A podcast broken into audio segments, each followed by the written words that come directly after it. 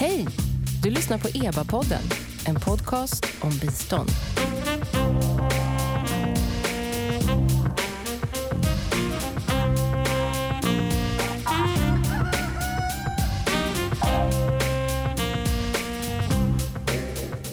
Välkomna till EBA-podden. Jag heter Nina Solomin och det är expertgruppen för biståndsanalys som ger ut den här podcasten. EBA förkortas det och det är en statlig kommitté som utvärderar och analyserar Sveriges internationella bistånd. Idag ska vi prata om bistånd som inte genomförs som planerat. Vad blir konsekvenserna av det? Och vad är givarnas ansvar för den typen av oväntade effekter inom biståndsprojekt? Linda Engström har forskat om den saken och hennes avhandling som kom ut 2018 har nu sammanfattats och publicerats i EBAs serie av så kallade Development Dissertation Briefs. Välkommen Linda Engström. Tack så mycket. Vad gör du? Du har disputerat ganska nyligen. Vad gör du nu? Jag är kvar på SLU i Uppsala, Sveriges lantbruksuniversitet. Jag jobbar där som forskare och som rådgivare till Sida. Mm. Bredvid Linda sitter Mats Hårsmar, utredningssekreterare vid EBAs kansli.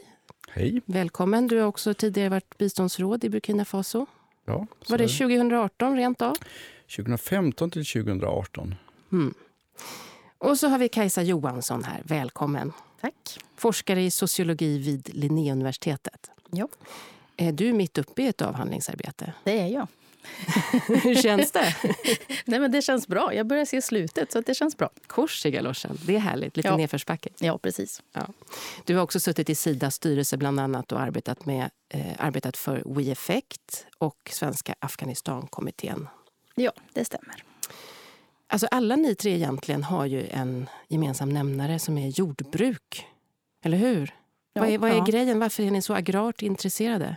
Jag tror det handlar om att eh, jordbruk har väldigt mycket med eh, fattigdomsbekämpning eh, att göra. Eh, om, vi är ju Afrika-orienterade alla tre också.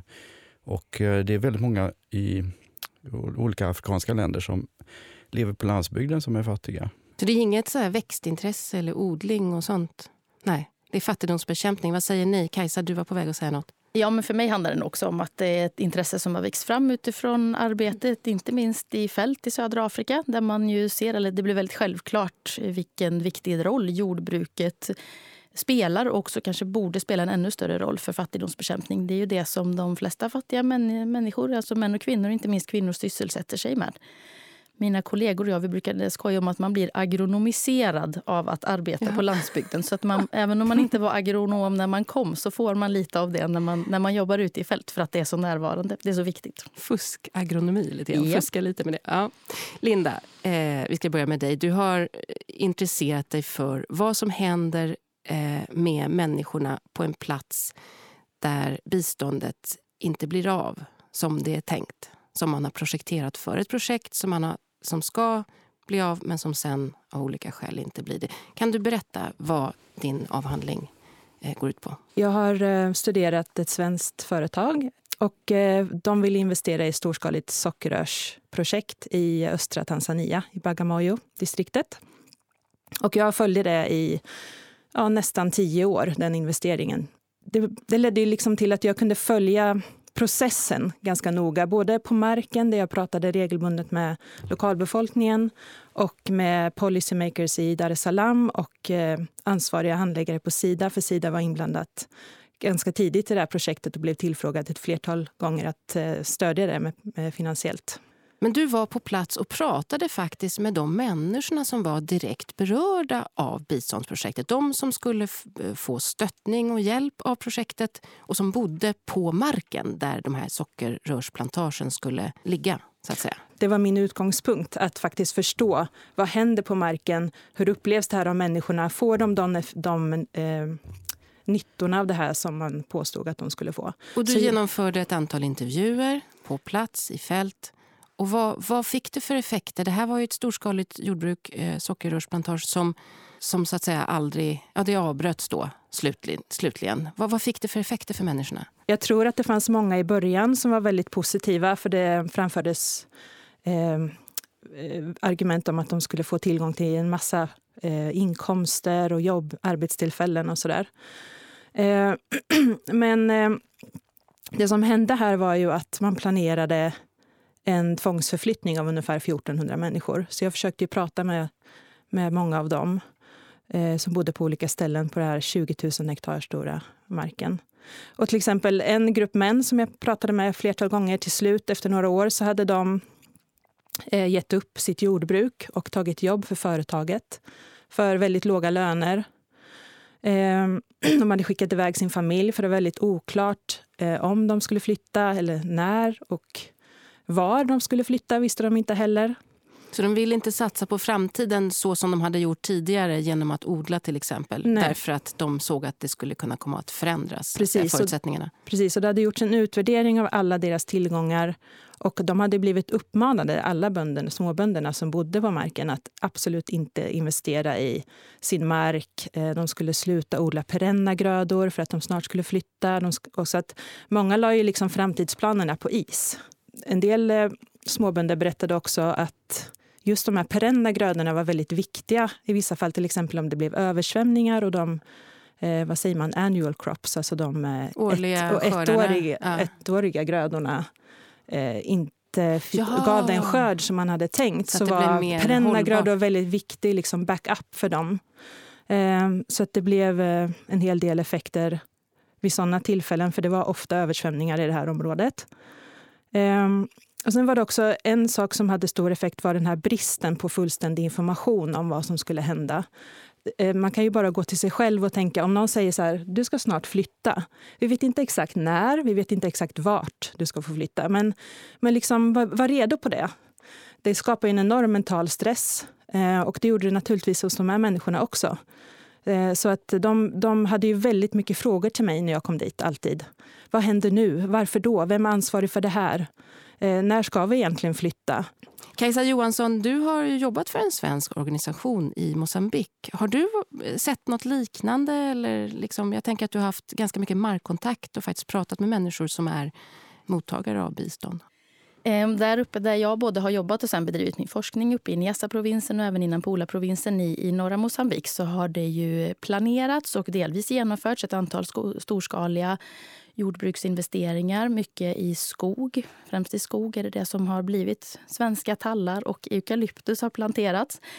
Eh, och även där så har det varit så att eh, planerna har varit eh, storslagna när det har börjat. Det har utlovats jobb, det har utlovats ekonomisk tillväxt, det har utlovats att det här ska bidra till förbättrad infrastruktur, vägar, mobilnät och så vidare.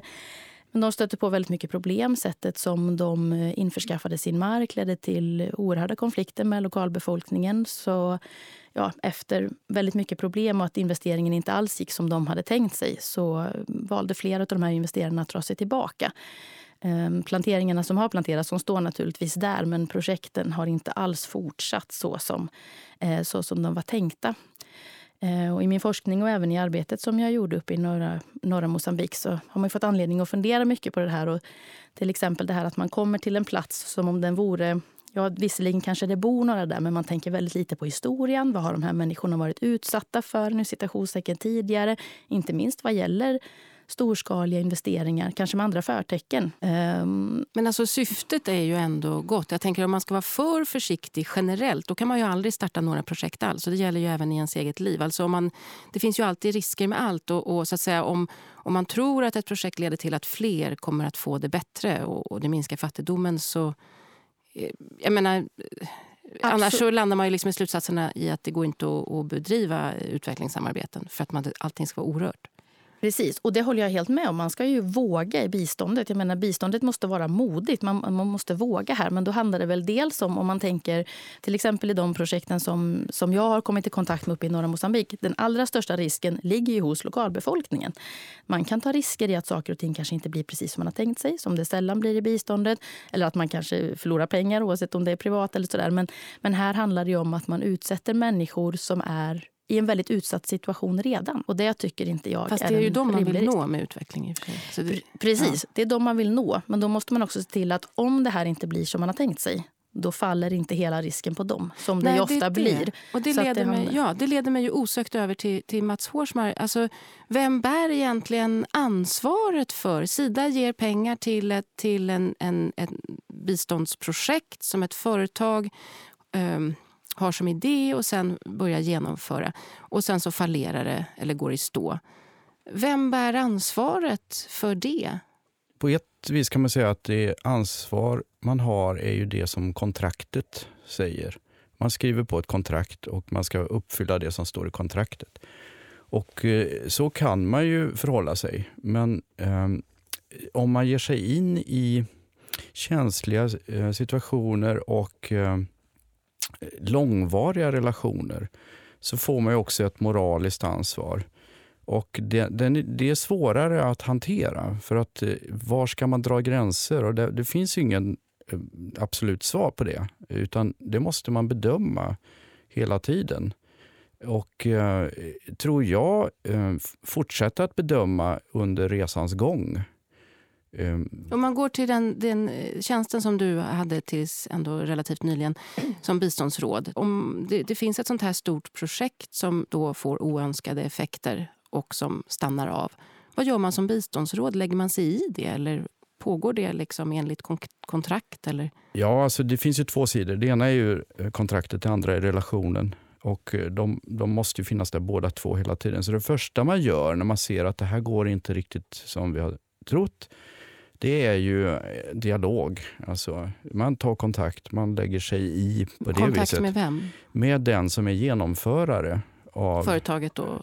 Det kan vara ett företag, mm. kan vara en organisation. Det, mm. det finns någon som är ansvarig i, i genomförandeledet. Och, och eh, det kan ju vara, eh, alltså, som jag minns det, ganska uppriktiga samtal. Eh, som det brukar heta när man tydlig. Det, svåra samtal. svåra samtal, ja. ja. Och, och, eh, det, det ansvaret har man. Att som, vara med och följa för ska man avbryta eh, så måste man ju ha goda grunder för det. Jag tycker man ska vara med hela resan eh, så långt det går. Vara var så aktiv det går i, dialog och, följa, veta vad som händer. Eh, och mycket handlar ju också om att göra ett bra förberedande arbete.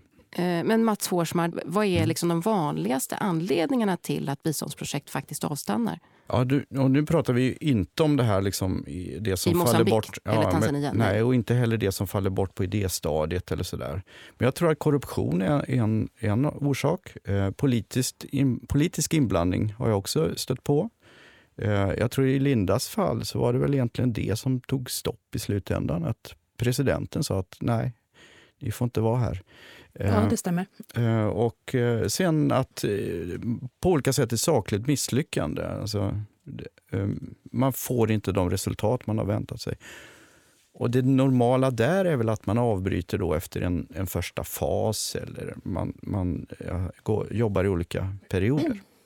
Kajsa, jag tänker, du har ju jobbat just för en civilsamhällesorganisation. Var det WeEffect du jobbade för i Mosambik till exempel? Ja, det har jag jobbat för. Och ja. Eh, Afrikagruppen också i Mosambik. Ja. Nej, men jag tänker, där är man ju mycket... Jag menar, Sida är, distribuerar ju ut pengar liksom, genom flera, många olika led mm. ner till liksom, de som mottar biståndet. Eh, men när man är en organisation så är man ju mycket närmare. Hur ser man på den här typen av... Ja, men det måste ju ändå hända äh, hela tiden då att saker inte går som man har tänkt. Alltså hur, hur, när man är biståndsarbetare på marken, hur tänker man kring detta? Det är väl liksom sannolikt så att om man som civilsamhällesorganisation är närmare så är det ju mer sannolikt att man nås av ett klagomål eller en synpunkt. Men det är fortfarande så att den mekanismen är ganska svag inom biståndet. Alltså att de har marginella möjligheter att ställa oss till svars. Eh, och det handlar till exempel om hur gör man, alltså, är, är budgetar transparenta? Är programmen, är de projekt vi har, är de verkligen helt transparenta? Också på ett sätt så att det faktiskt är tillgängligt för de människorna som vi jobbar för. Eh, och då, då blir ju det här liksom det juridiska, jag stöter ju på det mycket i Mosambik också, att eh, ja, men företag och projekt och så, man säger att men vi har ju skrivit under här. Ja, men om människor inte kan läsa och skriva så är ju ett underskrivet kontrakt en ganska klen sak att stötta sig emot. Om man går och säger till någon att vi skulle vilja ha, få rätt att bruka 10 000 hektar här på ert område, säger människor ja eller nej. Och då måste man ju ställa sig frågan, är det någon här som har möjlighet att föreställa sig vad 10 000 hektar är? Vad är det man säger mm. ja eller nej till? Och det, jag håller med dig väldigt mycket av du säger, men, men man måste ha någon slags eh, mekanismer eller system för det här. Mm. Eh, Världsbanken var kritiserat på 90-talet tror jag för att eh, ge sig in på stora dammbyggen och folkomflyttningar i samband med det. Eh, det blev eh, folkopinioner. Eh, det ledde fram till att man inrättade en, en kommitté en, som vem som var berörd kunde vända sig till och överklaga. Det var ett försök att hitta en mekanism för det där. Och jag tror att den typen av mekanismer vore, vore bra. Mm. Nej, men och mm. Där tror jag liksom att det handlar om... Jag sitter också med i Svenska Afghanistankommitténs styrelse. Och vi har pratat väldigt mycket om det. Och nu är Afghanistan. Alla länder är ju specifika och Afghanistan är naturligtvis också det. Till exempel att komma ut och följa upp projekten är ju uppenbarligen rätt svårt för att det pågår en väpnad konflikt. Eh, och då pratar man liksom om sin egen uppföljning och sen så pratar man om någon annans uppföljning och sen så går vi in och pratar om tredjepartsmonitorering och då är det i princip att man handlar upp någon för att följa upp.